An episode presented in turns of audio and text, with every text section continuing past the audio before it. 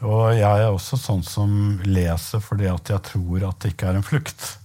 Som jeg fikk høre da mamma når jeg var liten, at uh, må ikke lese så mange bøker, for det er, det er, en flukt fra virkeligheten. Altså Man ser på den sånn uh, som at man bare lever da i fantasien. Men for meg så er det å lese en, en bok, og de aller fleste bøker, da, som du kommer igjennom, det er som at du utvider virkeligheten din med ikke bare en kvadratmeter, men med en kvadratkilometer. Altså Hver lest bok er utvidet virkelighet.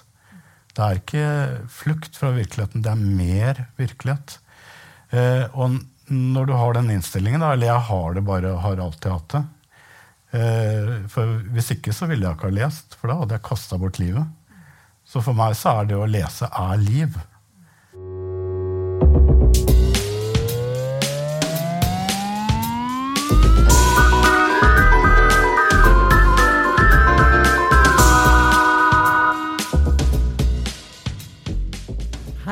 Hjertelig velkommen hit. Aller mest velkommen til deg, Jan Kjærstad. Ja. Dere som sitter her i publikum, dere er nå med oss på å spille inn en episode av vår litteraturpodkast. Olaug og jeg pleier da å varme opp med en sang ofte da vi spiller en episode. Vi vurderte å gjøre det med dere, men dere skal slippe. hvis ikke dere veldig gjerne vil, da? Hvis dere ikke veldig gjerne vil. Vi kan, vi kan se om vi rekker en sang til slutt. Ja. Men vi kan jo teste litt sånn for å um, se hvordan lydnivået på dere er. Så kan vi prøve at dere liksom klapper på kommando. Hvis jeg teller til én, to, tre. Ja! Ja, det var veldig også, bra klapping. Ja, det var veldig bra. Ja. Så kan dere også prøve med litt sånn behersket applaus. Ja, litt sånn. Ja, så der. Men det er vel ikke aktuelt? Nei, det er ikke aktuelt. Og så hender det jo at noen sier noe klokt, og da sier man ofte sånn hmm. Fint. Og så hender det at noen sier noe forferdelig dumt eller pinlig eller teit, og da buer man. Av full hals. Ja, bra. Da har vi, da har vi var et høflig bu. Ja, det var et ganske høflig bu. Jeg, jeg, tror ikke dere forventer noe, noe veldig stygt fra oss. Kan dere til slutt prøve vill jubel?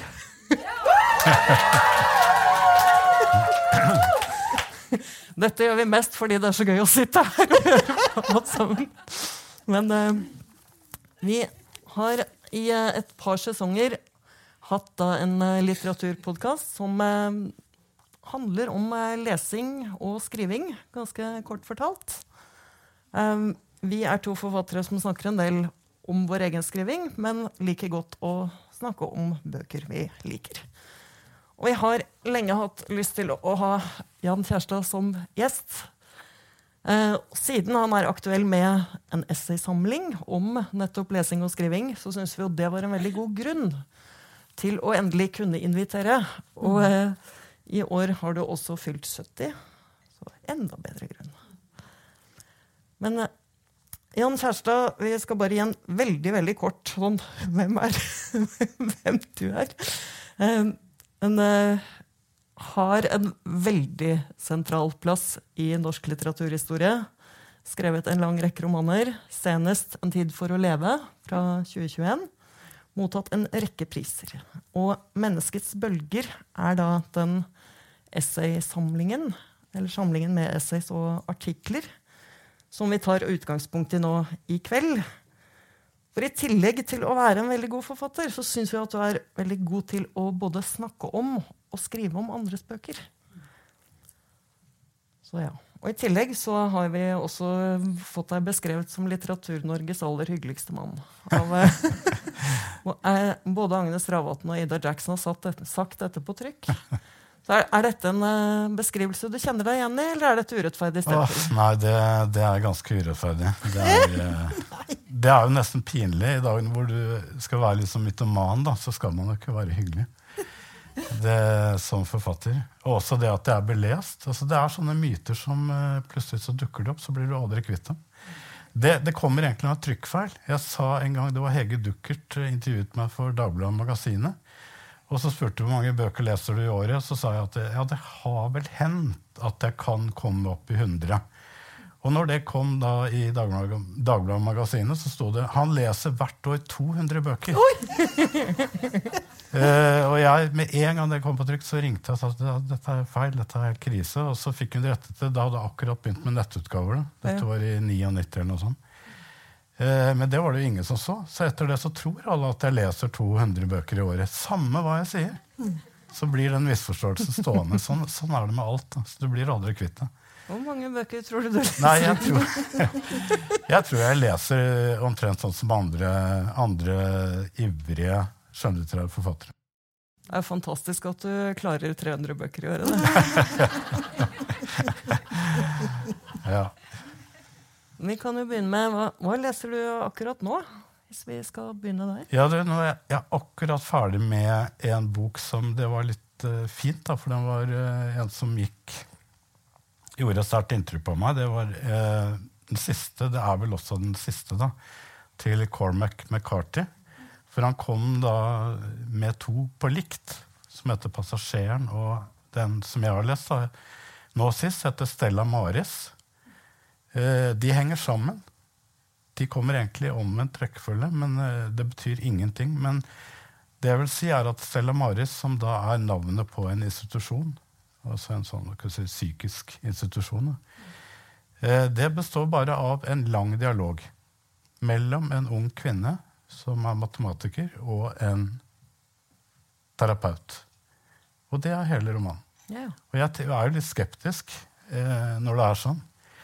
En, en roman som er bare en dialog. Men eh, den virkelig grep meg. Eh, og det er jo ikke sånn at eh, nødvendigvis den gjør det med at alle vil oppleve det sånn, da, men jeg, jeg var veldig forbløffet over eh, at en forfatter vågte å skrive såpass eh, um, innenfor en del sånne fysiske og matematiske teorier. Da, men ikke sånn at dere skal bli skremt av det. Men det var på en måte sånn at jeg satt og følte meg intelligent. Og det er veldig, veldig sjeldent. At, nei, men det er altså fordi at det, på en måte så er det sånn uuttalt eh, eh, ideal at hvis du er en god forfatter, skal du få din leser til å gråte. Altså Det er affektene vi er ute etter, altså emosjonene. Du skal få i gang virkelig de tåredryppende eh, reaksjonene da, hos leseren. Men vi hører veldig sjelden at eh, noen sier at ja, det var en veldig intelligent roman. Og da er det heller sånn at folk blir livredde. Du tenker sånn, det skal jeg i hvert fall ikke lese. Eh, men jeg syns at det var en veldig befriende eh, et befriende møte da, med, med en eh, skjønnlitterær bok. At du satt der og stoppet igjennom igjen og tenkte sånn Fytti rakkeren, nå fikk han meg til å tenke noe som jeg virkelig aldri har vært i nærheten av å tenke før. Og som du tenkte som det var også litt grann lurt tenkt. Altså det du klarte å tenke selv. Og så er det sånn at den kan absolutt ikke da fremføres som eh, på et teater. Som en eh, dialog. Det, den må leses langsomt i sofaen eller i en stol. For det sier at den heller ikke kunne vært lydbok. Nei, den, altså selvfølgelig blir den jo lydbok, for det blir alle bøker i dag. Og du kan jo stoppe når du vil der også, men det er klart at du blir mindre eh, kresen da, på, på å stoppe når det er en lydbok. Eh, så det er sviret for meg når jeg leser at jeg kan stoppe midt i en setning. Jeg kan stoppe ved ett ord lenge, og så er det andre jeg gjør, at jeg noterer da enormt i margen. Så kriteriet for meg på en god bok, altså helt subjektivt, det er at jeg ser når jeg er ferdig, hvor mye jeg har skrevet i margen Ja. med blyant. da. ja. Og det er ikke sånn der flott og glimrende metafor eller sånne ting. Det er sånn ting som jeg har tenkt selv. Ofte er det ideer til noe jeg jobber med, da, som jeg kan putte inn et eller annet sted. Og jeg aner ikke forbindelsen mellom akkurat den replikken i den romanen da, og hvorfor jeg fikk den ideen til min egen bok. Det er, det er ikke noe mulig å se det, men jeg hadde ikke fått den ideen hvis jeg ikke hadde lest den replikken.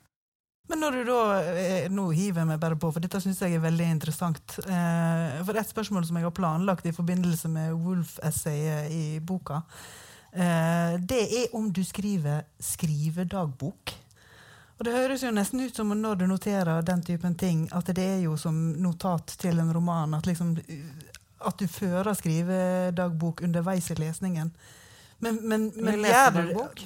Hva sa du? Lesedagbok eller skrivedagbok? Ja, lesedagbok skråstrek skrivedagbok. da, sånn Altså at det kanskje går over i hverandre. Men når du da skriver sånne notat i margen, går du da gjennom etterpå for å liksom sjekke og ta med deg ut i et annet notat videre til skrivearbeidet? Ja da, ja da, og det kan være litt forskjellig. Jeg har ikke fulgt samme praksis eh, i alle de årene jeg har skrevet. Men jeg, jeg, altså jeg fører verken lesedagbok nå eller at jeg skriver skrivedagbok. Men på en måte så er de notatene i margen begge deler. Så det jeg gjør da ofte når jeg er ferdig med bok, det er jo da å gå gjennom alt jeg har skrevet. Og noe av det er bare tullball, så kan jeg bare glemme. Eller mye av det Altfor mye av det er bare altså, virkelig sånn at du skvetter, at du har tenkt så dårlig. Men noe av det er viktig, og, og så virkelig at du er på sporet av noe som du da kan bruke. Og det skriver jeg da inn i et sånn kaosmanus, da, som jeg kaller det. Som er da det som er work in progress. Som da etter hvert blir den neste romanen. Så jeg aner ikke hvor det skal være, men jeg, jeg skriver det av og inn i en slags sånn et dokument da, som er en sånn kjempekaotisk 200-400 siders eh, slags eh, manus, det også. Et, før førsteutkastet. Jeg syns det var interessant eh, det du sa nå om eh, bøker som får deg til å tenke eller kjenne deg intelligent. Mm. For eh, jeg, har tenkt, eh, både mens jeg har lest eh, hvordan du skriver om litteratur i essayform, men også hvordan du omtaler lesing av bøker i romaner. Og du slår meg jo som en som eh, leter litt etter bøker som utvider et eller annet. Da. Som ikke bare er ute til å framkalle en følelse, sånn som du sier, men får deg til å tenke på nye måter eller eh, oppdage noe nytt. Ja, da, men det gjør, det gjør jo de aller fleste bøker.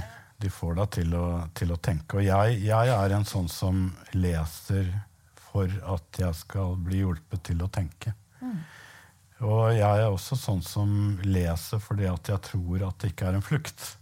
Som jeg fikk høre da mamma når jeg var liten, at uh, må ikke lese så mange bøker, for det er, det er en flukt fra virkeligheten. Oh, ja. Altså Man ser på den sånn uh, som at man bare lever da i fantasien. Men for meg så er det å lese en, en bok, og de aller fleste bøker, da, som du kommer igjennom, det er som at du utvider virkeligheten din med ikke bare en kvadratmeter, men med en kvadratkilometer.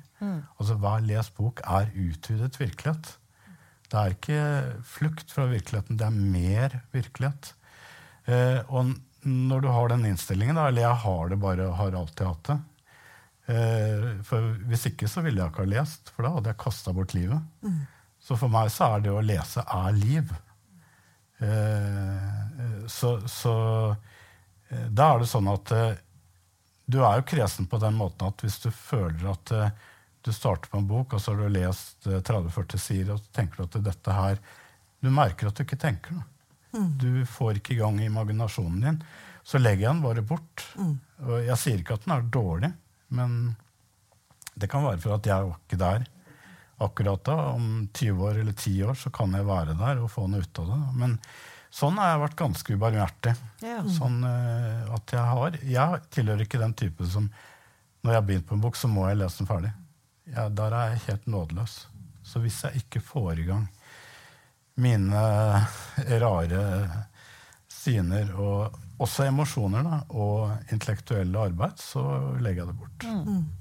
Og det gjorde du jo med altså I, i uh, essaysamlinga er det et kjempelangt essay om Ja. Virginia Woolfs uh, roman 'The Waves', uh, som du skriver der at du har lest fem ganger. Mm. Eh, første gang du leste den, så eh, var du like før du heiv den i søppelsjakta etter hva var det, 25 sider. Ja, omtrent. Ja. Men du heiv den ikke. Ja. Eh, men, men kan du si litt kort, altså bare introdusere romanen eh, litt kort til å begynne med? Ja, Du tenker på The Waves? The Waves, ja. Ja, 'Bølgene' den er jo oversatt glimrende av Merete Alfsen til, til norsk.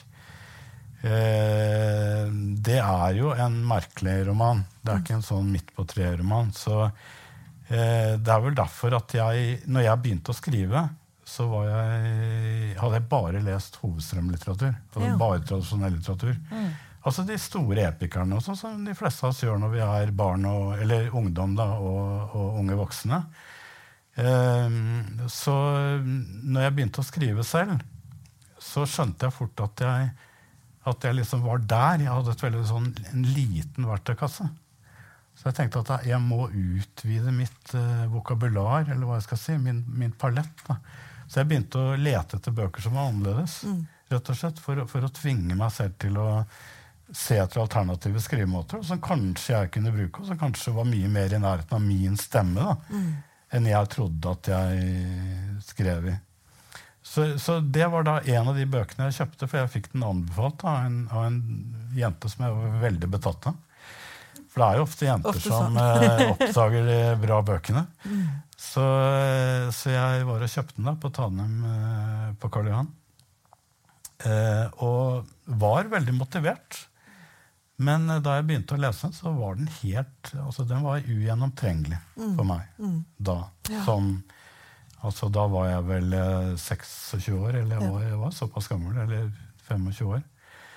Eh, så det, men det var ikke det at den var vanskelig. altså Hver, hver setning er jo krystallklar og lett å, å skjønne. Men det var bare det at det hele inntrykket, stemmen, atmosfæren i romanen var totalt Jeg husker jeg tenkte for fjernt. Ja. Apropos det der at du leter etter mer virkelighet. Da. Ja. Så tenkte at dette er for fjernt. Mm. Jeg la òg merke til at du eh, skriver at du hadde lest James Joyce. Eh, og det likte du. Eh, Ja, for det var sånn der gutta, gutta, gutta boys. Da, sånn der, eh, å brife og liksom eh, Kjempesvært eh, apparat du kan sitte og skryte av på å drikke øl og, og brife. da. Ja. Ikke sånn damer som kjøpte blomster. Nei, nei altså det, det er noe med det, og det har jeg vært opptatt av siden. så det, For mange av de jeg da var sammen med, og som også skrev, så var det vi var liksom Joyce-disipler. Mm. eller på en måte så var jo han vår mann. Det var ikke det at eh, Virginia Woolf var dårlig, eller sånn, men det var bare at vi var mye inne i den der modernismen som var satte satt i gang et svært apparat. da, Med masse sånn hvert kapittel skrevet i hver sin stil osv. Eh, og du måtte ha en sånn hvert fall to verker ved siden av for i det hele tatt å skjønne hva du leste. Ellers hadde du ikke sjans. Så, så det var veldig fint å sitte og skryte av Ja. og diskutere. Mm. Så eh, det var vel det at eh, Men grunnen til at jeg ikke Som jeg var litt skeptisk til eh, Virginia Woolf, var jo at hun hadde sagt at Joyce var en litt sånn tenåring som klødde seg på kvisene. Oh, ja. For å liksom vise seg fram. Da. Så det likte jeg dårlig. Så det er mulig at ubevisst så, så var jeg også litt skeptisk til henne. ja, men det var jo frekt sagt. Ja, det var Men husk at de, hun, det var jo en sterk konkurrent. Hun skjønte jo det. For de, skrev, de skriver helt på likt. Men hun modifiserte det da, etter hvert. Ja. Det skal sies, Men jeg tror hun aldri ble joycianer. Hun var Nei. nok skeptisk Nei, hele livet. Ja, unnskyld. Begynner allerede å avbryte hesten. Uff. Men eh, du skriver jo om å Litt sånn opplevelsene av å gjenlese i det her The Waves-essayet. Mm. Men hvorfor er eh, The Waves en så viktig roman altså i ditt liv og i ditt eh, forfatterskap? Jo, det er fordi at jeg husker jeg, hadde en morfar da, som var sjømann. Han var sturt, altså han drev mye med mat. da. Så når han kom i land, så jeg var ofte og bodde hos eh, besteforeldrene mine på, på Hvaler. Og han, jeg var veldig fascinert når han slipte kniver.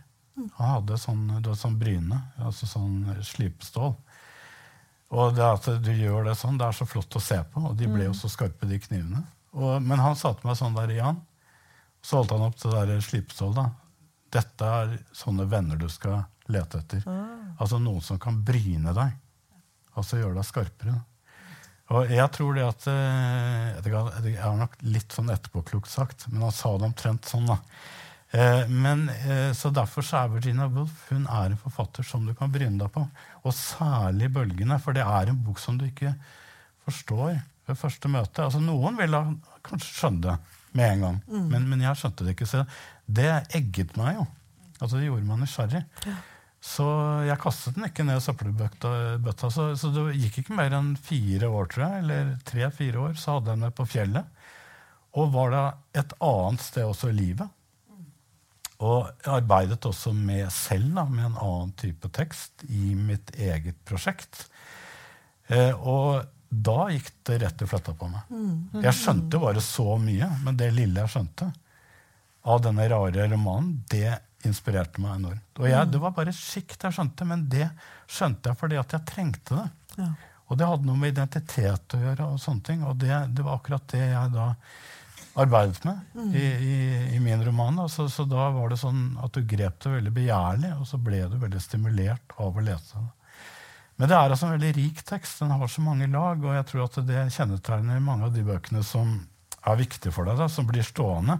Det er at de har mange sjikt, mange lag. Eh, mange, altså Du blir ikke ferdig med det. Og, og det fine med bøker er jo det at det, det viktigste eh, årsaken til at det å gjenlese kan være berikende, er at du selv har forandra deg. Så du har fått en ny persepsjon. Ikke sant? Du ser på en ny måte, du hører, lukter, smaker. Du har fått nye venner, du har vært på flere reiser. Og sånn, og da, er du, da ser du på en helt annen måte. Og så ser du da et nytt sjikt da, i den romanen, som åpner seg opp fordi at du har flytta deg. Og det vil jo virkelig anbefale hele essaysamlinga, men særlig det essayet. Altså, det er et langt og nydelig essay med, der eh, de forskjellige lesingene går som bølger. Jeg ble veldig opphengt i bølgemetaforen, for du har jo Ja, ja. kalt essaysamlinga 'Menneskets bølger'. og Romanen til Virginia Woolf heter 'Bølger', og du skriver masse om de her bølgene, og hva bølgene kan stå for, da. Både i hennes roman og i de skriving og i livet i, eh, i, eh, i det hele tatt. Men jeg vet ikke om du har lyst til å prøve å forklare noe av det samme sittende her, eller om det går an i det hele tatt. Fordi du er jo òg inne på det at um, de der øyeblikkene i livet der en blir slått i bakken av ei bølge, at det er de her eh, epifaniene, sa jeg det rett? Epifaniene. Som du bare skal kjenne eh, en stor betydningsfylde, men kanskje ikke er mulig å gjengi. Og kanskje det ikke er sant i det neste øyeblikket heller. Mm. Ja, det er jo ofte det at det fremkaller også viktige episoder i livet ditt som du nesten har glemt. Så på én måte så er jo det å lese også en slags psykoanalyse. Fordi at da er liksom boken den spørrende teksten til ditt eget liv. Da. Så jeg husker at den, i den siste lesningen da, som jeg gjør i London, ikke så langt unna eller, altså, Jeg har vært og sett på mange av de stedene hun har bodd i London, og jeg hadde jo tenkt også å dra ned til sommerhuset hennes og se til og med den elven da, som hun vasset ut i. Som jeg grua meg litt til, men som ble stoppet av pandemien. Så dette er jo egentlig sånn essay jeg skrev istedenfor å reise dit. Men i den siste lesningen så ble jeg veldig opptatt av dette med bølger, som du sier. Da, at dette her med at bølger møter hverandre. Og da kom jeg på en sånn episode når jeg var liten. Så likte jeg veldig gå opp og dra opp til en badedam eh, overfor der vi, vi bodde, da, i, i en drabantby på Grorud. Rett inn i skogen. Og så var det alltid sånn eh, Rett før det begynte å regne, så var det helt stille. ikke sant? Og da dro alle hjem. Så da husker jeg at jeg, jeg satte meg på stupebrettet og så hadde jeg plukket med meg sånn fire-fem stener. Og så var det det å kaste de ganske raskt da, ikke sant? på fem eller fire forskjellige steder. Og så ser du hvordan det der, de ring, ringene, da, dette ringmønsteret, hvordan de brer seg inn i hverandre og lager sånn interferens. Og lager et veldig komplisert, men utrolig vakkert bilde. Da. Eh, og det er jo egentlig et veldig, en fin metafor på altså hvordan vi lever livene våre i relasjoner til andre. At alle de vi treffer, altså våre gode venner, og de hun skriver om da, i bølgene, det er om seks venner og en sjuende som er død, men som er med hele tiden. Det, er, det hun prøver å få fram, er jo forbindelsene og de skjulte sammenhengene mellom dem. Selv om de bor på vidt forskjellige steder, da, så kan de på en måte høre hva de tenker, den andre. Og de vet øyeblikkelig hva den andre har gjort, selv om de, at det er lang avstand mellom dem. Og det minner jo litt om sånn kvantefysikk. At ting skjer, eh, og at man kan da bli påvirket selv om det er langt fra hverandre. Så, så alt dette her, som dette her bildet med disse her eh, bølgene da, som går inn i hverandre, det ble veldig ledende for meg. Og det ble jo da det, en sånn kjempeinspirasjon for meg når jeg skrev den seneste romanen min, 'En tid for å leve', da, som er om tolv personer. Eh, og som på en måte ikke møter hverandre. Hvor jeg vil at leseren skal fornemme at disse, det er noen sånne rare eh, relasjoner mellom dem allikevel. Mm, nettopp. Ja. Eh, kan jeg bare spørre om én ting til? om Gjør det. bølgene?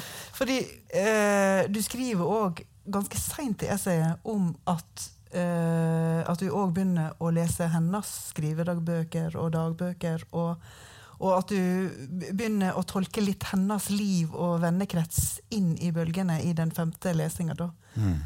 Eh, men pleier du det? Er det en vanlig lesemåte for deg? Altså den der eh, biografiske lesemåten?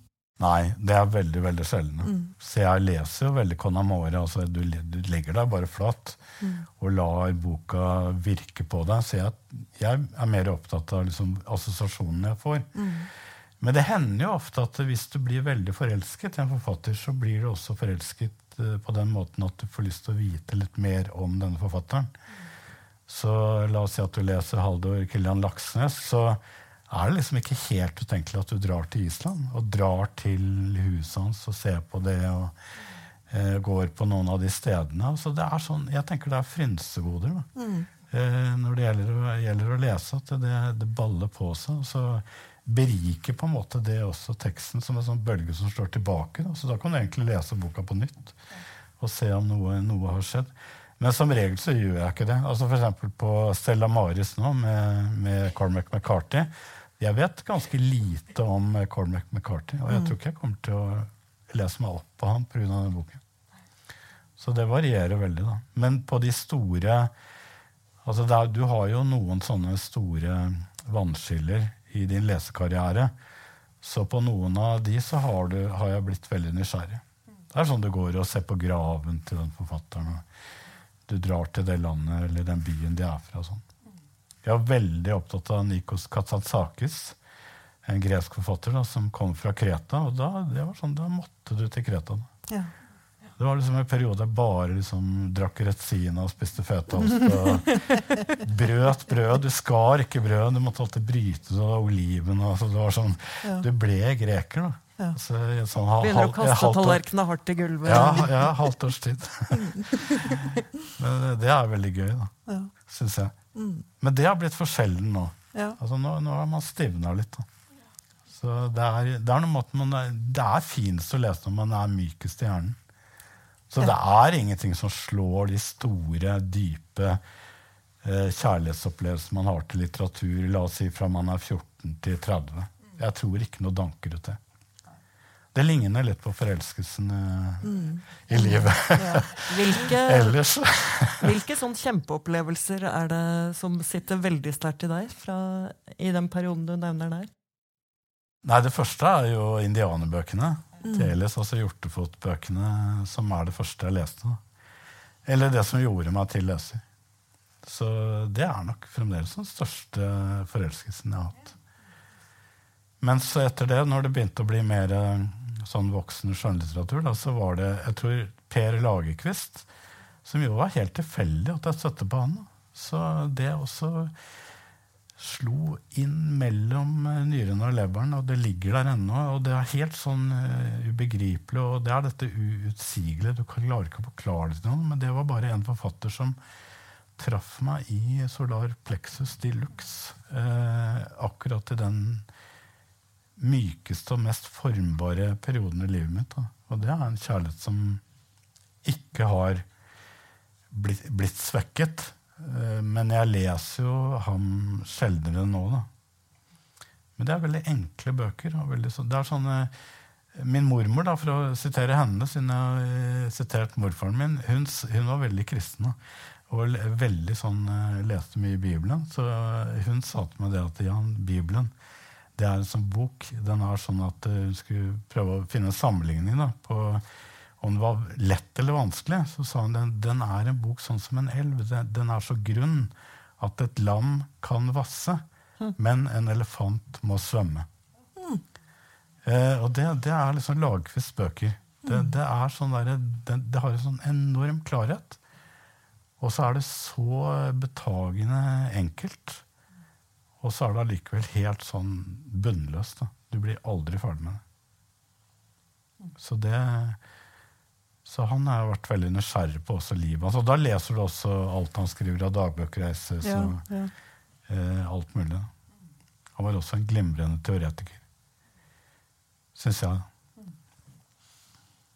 Og så videre. Jeg, når jeg hører deg snakke om lesing, så skjønner jeg også hvordan det, litteratur og lesing får så stor plass i mange av romanene dine. Altså, eh, Jonas Wergeland, altså din eh, mest, må vel si din mest kjente romanperson. Jeg tror du skulle si din nemesis. Kan godt ja. føles det sånn. Nei, nei, du var liksom Din- din nemesis. Ja, ja. Men uh, fra trilogien 'Forføreren', 'Erobreren' og 'Oppdageren'. Og han prøver jo på et tidspunkt å lese Virginia Woolf, men uh, får det ikke til. Eller, eller vil ikke. Og jeg tenker jo det viktigste skillet mellom han og da Margrethe, den store Mm. kjærligheten, er vel kanskje at han er en som ikke leser, og hun er en som leser. Ja, det er, han er jo litt sånn übermensch. Mm. Han er liksom litt for stor til å være sann. Eh, særlig den forførende. Og så er han mye mørkere og vanlig i Erobreren. Og så er han Det er jo datteren som forteller den oppdageren, så der er han midt imellom, men også litt hinsides. da. Eh, Men det er hans store brist i mine øyne. Det er at han ikke er en leser. Og det er jo også derfor han eh, så fullstendig eh, ødelegger da, forholdet til sin store kjærlighet. Fordi han da ikke leste den boken, 'Victoria og Knut Hamsun', hvor hun hadde lagt et kjærlighetsbrev. Det er helt eh, Ja. i starten av deres uh, Ja, da de ja. er unge. Og det finner han da etter at hun er død. Ja. Så, så det er en en trist historie. Men uh, jeg, jeg vil jo ikke si det. Jeg har jo, kjenner jo mange bra mennesker som ikke er lesere. som, som jeg respekterer og, og setter høyt. Da. Det er jo ikke gitt at du blir noe bra menneske av å lese heller. Men, men, er mange, eh, mange dårlige folk som leser mye òg. Ja, ja, det er det. Men jeg tror mer på det der med at uh, du leser for å utvide din egen virkelighet. Det er ikke fordi at du blir noen sånn etisk uh, høyreist person. Eh, og at du skjønner veldig, veldig mye mer av eh, eksistensen. da.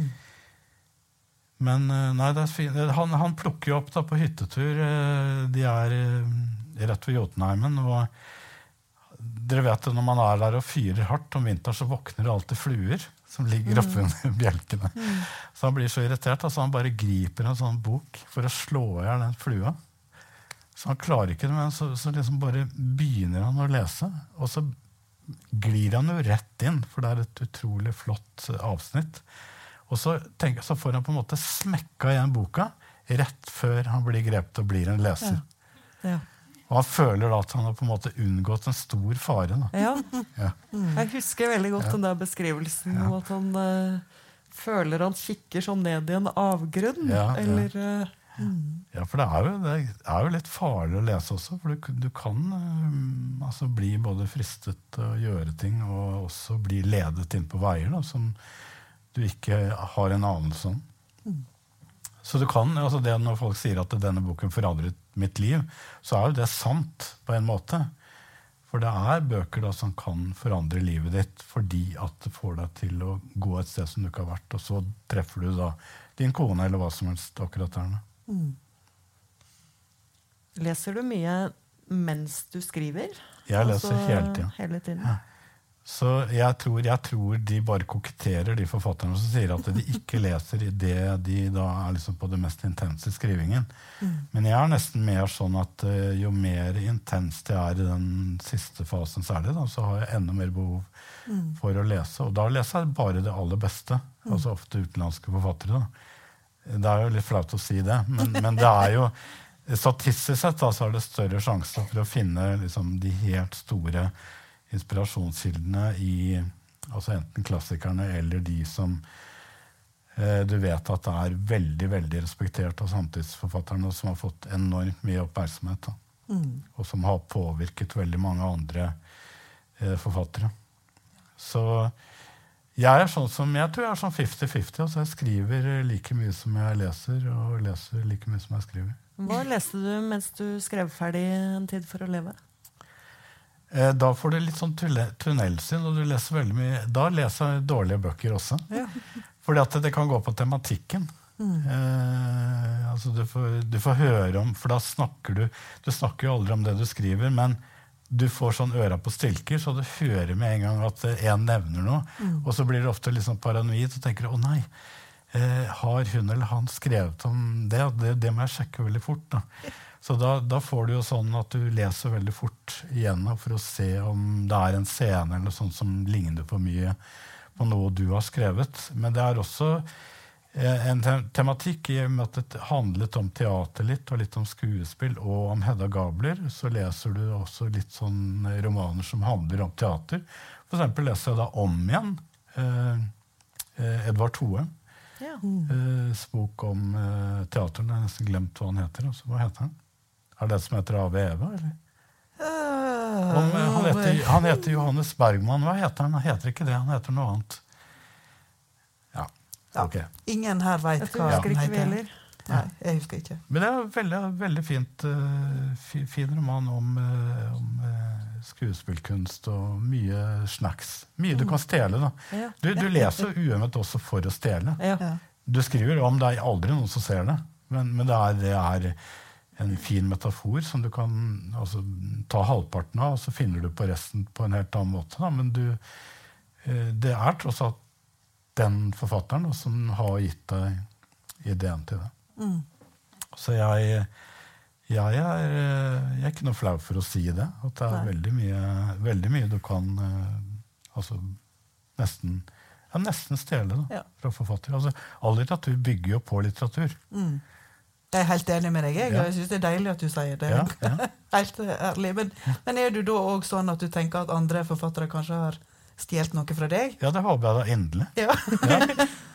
Ja. Så det, det er jo en eh, stor ære. Da. Det er en, en kompliment. ja. Så hvis jeg hadde sett snurten av det, så ville jeg jo aldri rykka ut og sagt sånn fy-fy. Eller bare bli stolt. Ja. Mm. Og heller ikke sagt det til den aktuelle forfatteren. Du hadde bare gjemt det i hjertet og Ja, ja, tenkt ja, at sånn ja, er det sikkert. Ja. Jeg hadde hilst Mm. med enda større respekt av neste gang Ja. på den forfatteren. Ikke sant. Eh, Nei, men jeg, da leser jeg mer i hummer og kanari, da. Ja. Sånn eh, i, i faser. Du har jo noen ganske flotte tekster her også, syns jeg, om, eh, om skriving og skriveprosess. Og jeg, jeg hengte meg jo med stor glede opp i et essay som rett og slett handler om skriveredskaper.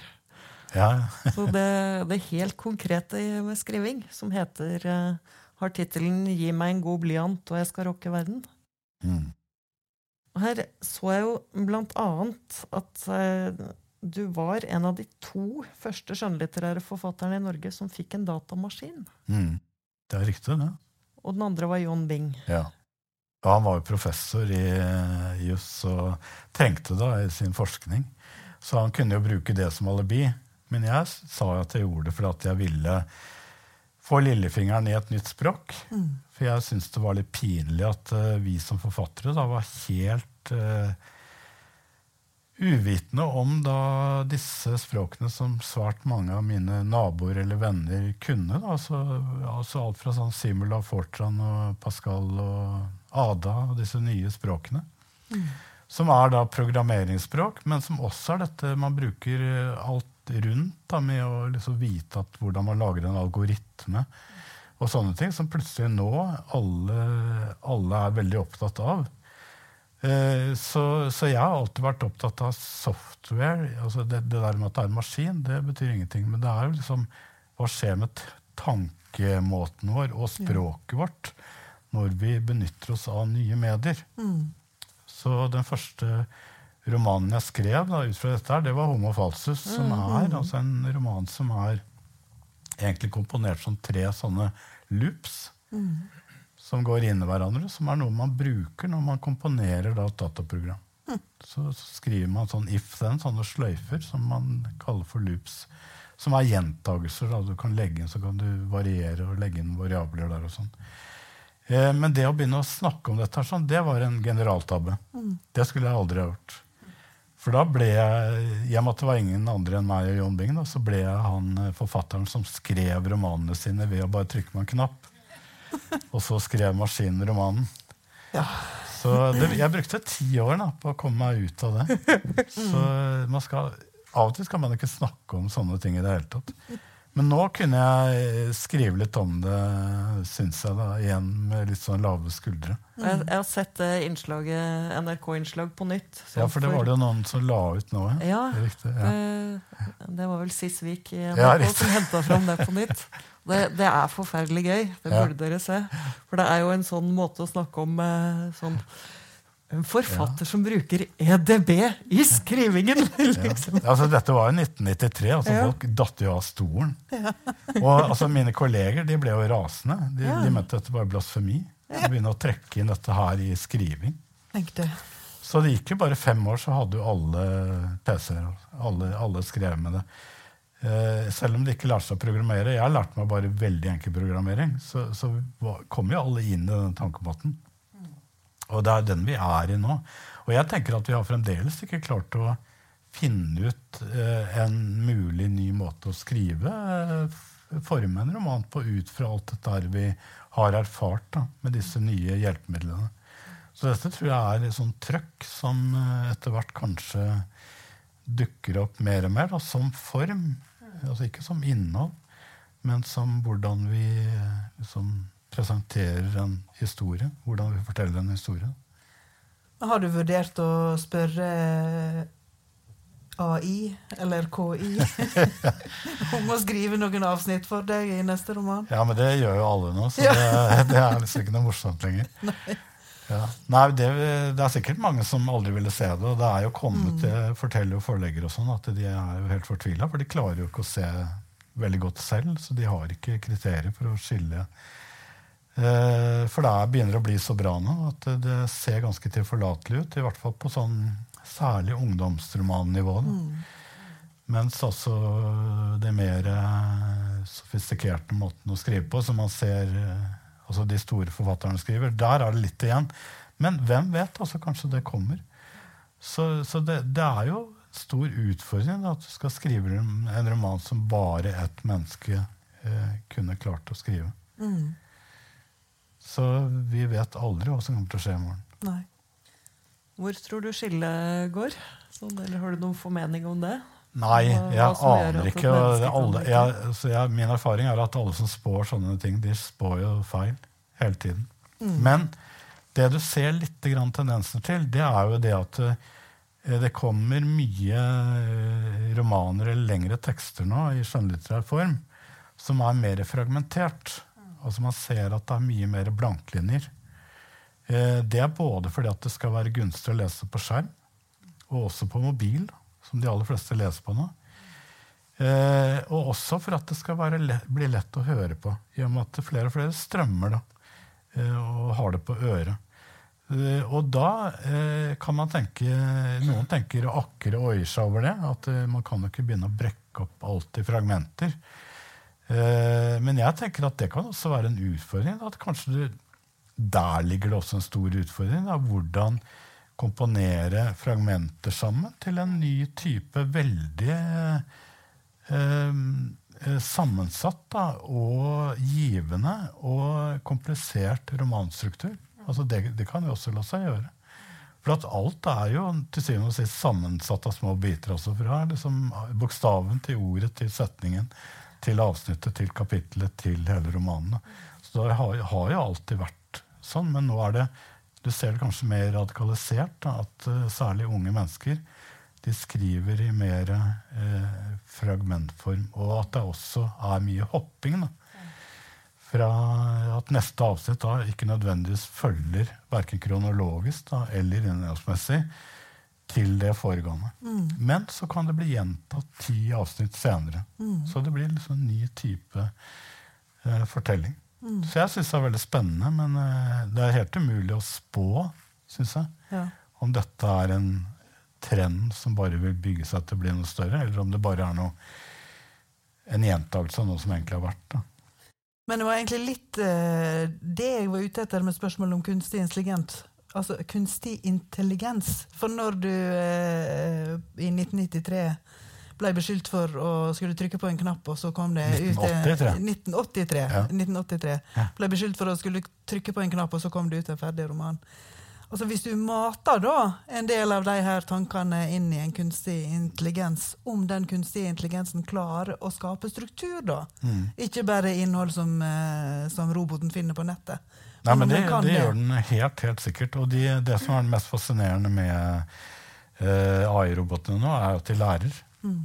Altså De lærer hele tiden. Så det er alltid sånn hvis du spør samme spørsmål, så får du et helt nytt svar. Mm. Og det kan til og med brukt fragmenter av det forrige svaret. Så det er helt skremmende og fascinerende. Ja. Mm. Så det er jo eh, sånn som vi sa om det hellige sant, når jeg studerte teologi, at det er eh, et mysterium da, som er både skremmende og tiltrekkende. Altså Det har den der dobbeltheten i seg, som alt sånn nytt og voldsomt uh, har. da. Men derfor så er det noe vi i hvert fall ikke kan avfeie. Vi, kan, altså, vi, vi må jo forholde oss til det. Men det er jo dette jeg skriver om, egentlig, Homo falsus. Mm. Altså Der er det en forfatter som sitter og, og har lagd et program som, Ja. som faktisk skriver romanen. da. Og det er egentlig til, til jeg, jeg gjør én ting til i den romanen, som eh, er at jeg bruker så mye informasjonsbrokker i den romanen at jeg har latt én av fire brokker være løgn. Og det sier tittelen også, da, det, altså det falske mennesket. Det er løgnaktige mennesker, men det er ingen som så det. Fordi at man var jo vant til at hvis tre ting er sanne, så er jo den fjerde også. Automatisk. Så jeg syntes det var skremmende. Det var ikke en eneste anmelder som Nei. sa det. og Ingen av de akademiske leserne sa noe om det. Men det var mitt prosjekt, da, vise at vi lever i et samfunn nå hvor det er altså så lett med fake news. Mm. Så akkurat der så var jeg litt før min tid. Ja, En av de få tingene jeg kan eh, liksom, rose meg av, da, at der, jeg tror jeg så det tidlig med det derre bombardementet av eh, historiefragmenter, fagkunnskap, leksikalskunnskap, emosjonelle, svære eksplosjoner. Da. Mm. Så er det så lett å, å lyve da, og bløffe. Ja. Og hovedpersonens store eh, eksistensielle problem er jo at hun har aldri Hun er verdens mest vellykkede kvinne, men har aldri blitt avslørt. Og hun har altså gjort shortcuts stadig vekk. Og hun går i bakken fordi at hun er skuffet over at, hun ikke, at det har vært så lett å lyve. Tror du, den, tror du den hadde blitt lest annerledes hvis den kom ut nå? Ja, det Altså, tror jeg. hvis, Jeg tror eller, faktisk det. altså. Hvis man gjenleser Jan Ja. Kjærstad nå? Faktisk. Mm. Ja. Mm.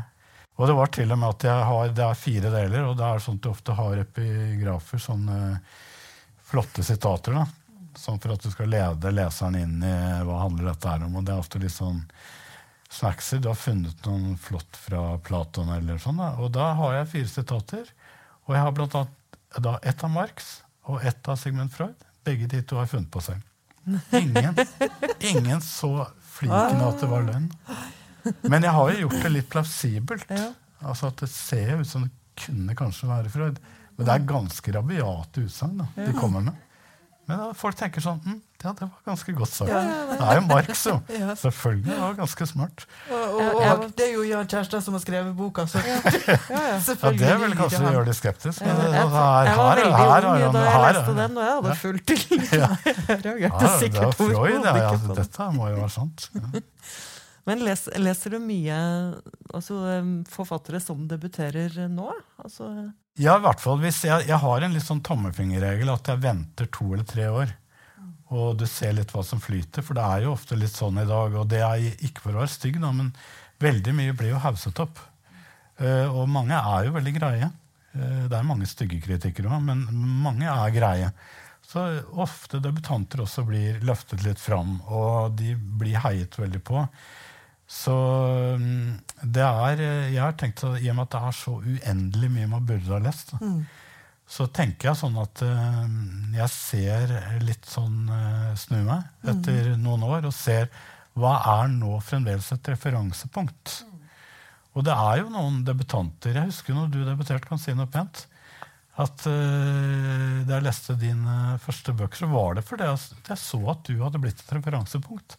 Altså Folk peker på deg og sier at det her er en ny stemme. Og da, da blir man nysgjerrig, og da, da tenker jeg nå må jeg lese Olaug Nilsen. Søren heller.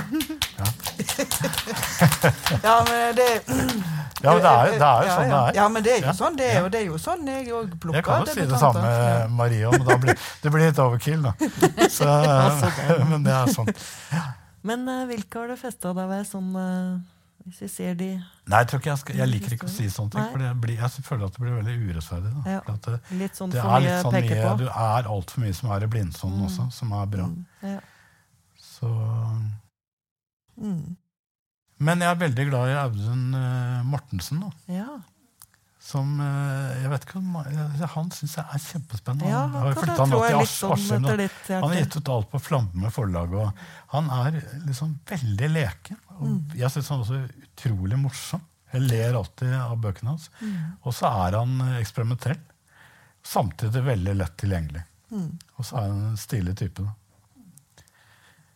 Så bare for, Han er ikke helt fersk, så derfor tenkte jeg at det er sånn halv, halv, halvfersk. Men Audun eh, Mortensen syns jeg er spennende, spennende forfatter. Du var faktisk eh, litt medvirkende til at jeg begynte å eh, skrive igjen fø- før jeg debuterte. Etter å ha latt være ganske lang tid. For, for da jeg, Dette har jeg sagt sånn flere ganger når folk spør hva er det beste rådet du har fått om skriving. Så da var det for det første en venninne jeg hadde, eller har, som er manusforfatter, som sa at du må huske at det kommer til å være dårlig en lang stund før det blir bra.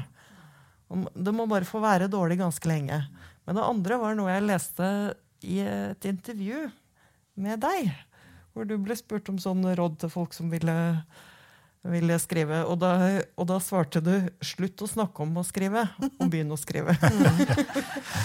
og det syns jeg fortsatt er et veldig godt råd. Det er det. Er det og jeg, skulle bare vite når jeg eh, altså jeg, jeg, tror jeg bli, eh, begynte å skrive fordi jeg hadde lest. Og det er jeg glad for. Jeg leste ti år helt jomfruelig, på en måte. Uten å tenke sånn jeg skal søren meg bli forfatter. Så da leste jeg veldig med åpent sinn. Jeg slapp liksom å skule til høyre og venstre og tenke sånn Oi, nå ble jeg misunnelig. Jeg var bare en lykkelig leser. Men det var jo da den eh, lesemengden som skapte da lysten til å skrive. Men da jeg begynte å skrive, så oppdaget jeg at alle ville jo skrive. Alle vennene mine ville jo egentlig bli forfatter. Eh, og da satt vi jo liksom, det var Krølle kro, og det var liksom disse her kas, eh, kasino og disse klubb, klubbene og kafeene og restaurantene på den tiden. da. Og folk satt jo og prata og prata og prata, og de hadde ideer, og de var kjempegode ideer. Så jeg tenkte å fytti rakkeren, det var en helt enorm idé. Det ville jo bare ta et halvt år, så er jo den på gata. Og jeg, han vil være på Aschehoug hagefest, og jeg vil være misunnelig og sånn. Men de, de gikk aldri hjem og skrev. De bare satt på kafé og prata. Dag etter dag. Og i dag så er det liksom direktører og de er ministre og sånn, men egentlig ville de bli forfattere. Ja. Så de er, altså det er eh, liksom trøsten, at de egentlig så har det ikke blitt det de ville bli. Men er det, er det derfor du holder skrivekurs som heter Startkabler? Ja, det er, det er ikke jeg som har funnet på det. Nei, det er ikke det? Nei, det er Forfattersentrum. Det er, Ja. eh, det er de som har funnet på det. Ja.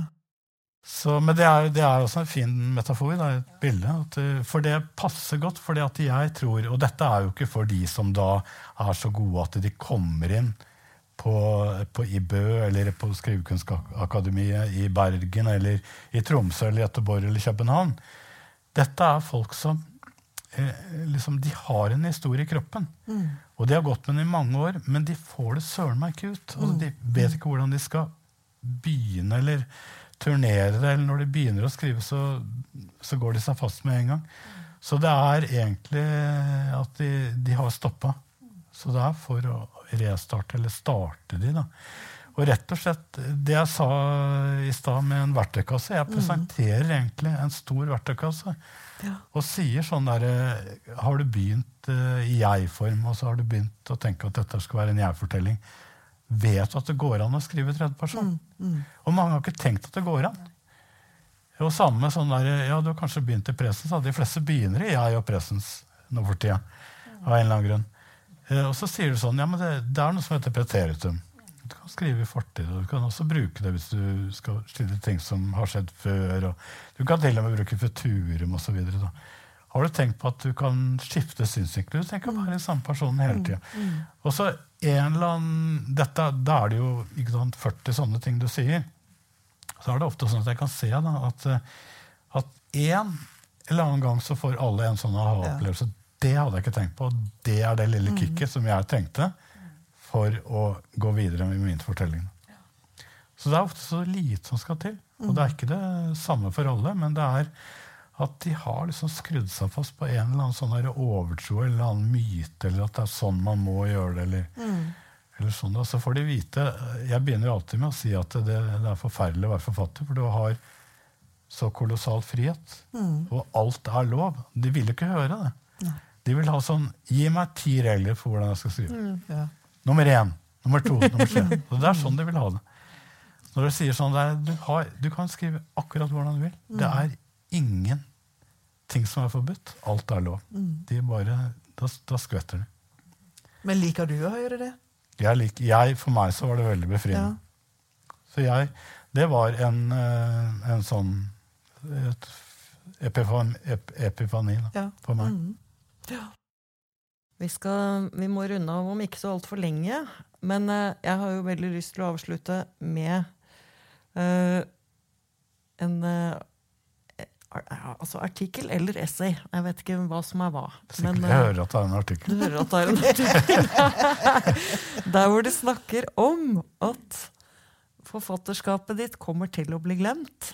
Vi kommer alle til å bli glemt. Altså alle vi som skriver bøker, kommer til å bli borte.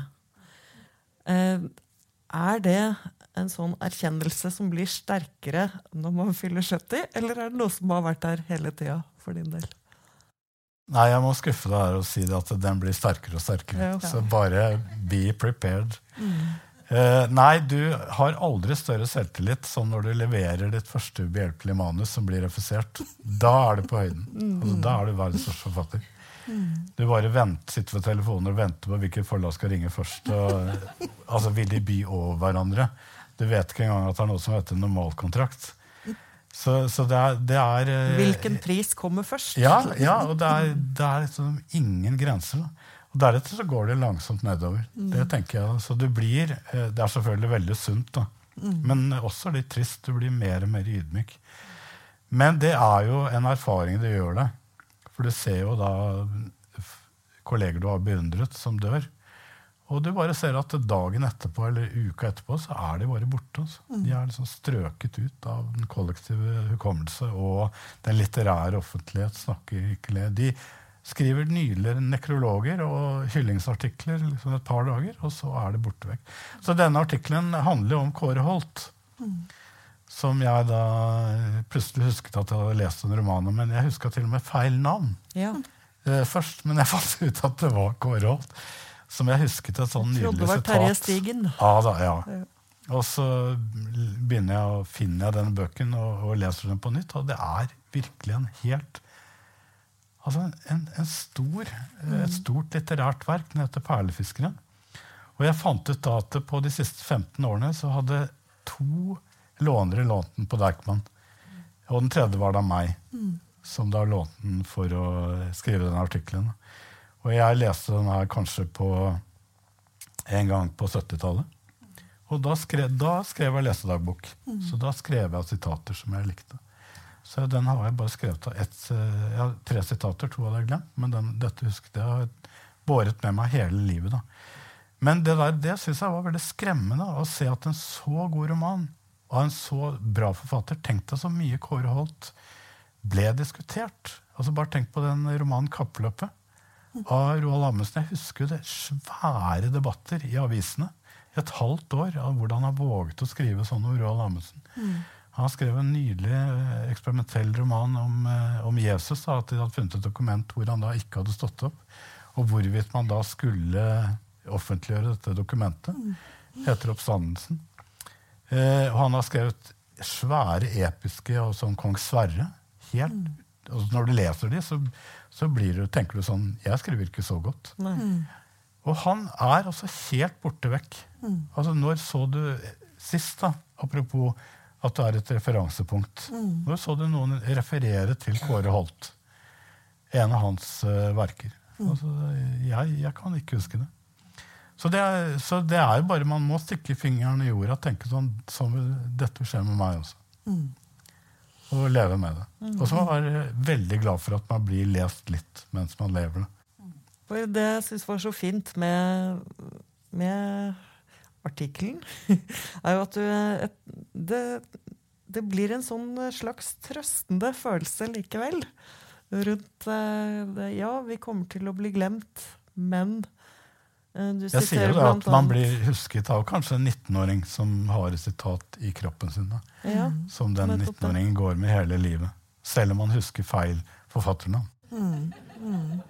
Det er en eller annen slags trøst der. ja, at det er noe litt sånn Ja. sånn større Men dette er, jeg, jeg prøver å utvide perspektivet og si det at jeg var så heldig å intervjue Italo Calvino, altså den virkelig ypperlige italienske forfatteren som var i nobelprisklassen. Og han sa jo til meg helt ærlig at uh, altså jeg har ingen ambisjoner om å bli husket. Jeg kan godt uh, være tilfreds og også lykkelig ved å gå inn i en sånn kollektiv hukommelse, litterær hukommelse, hvor mine verker går inn i en sånn stor uh, skatt av litteratur. Hvor det at man husker mitt navn, ikke betyr så mye. Da.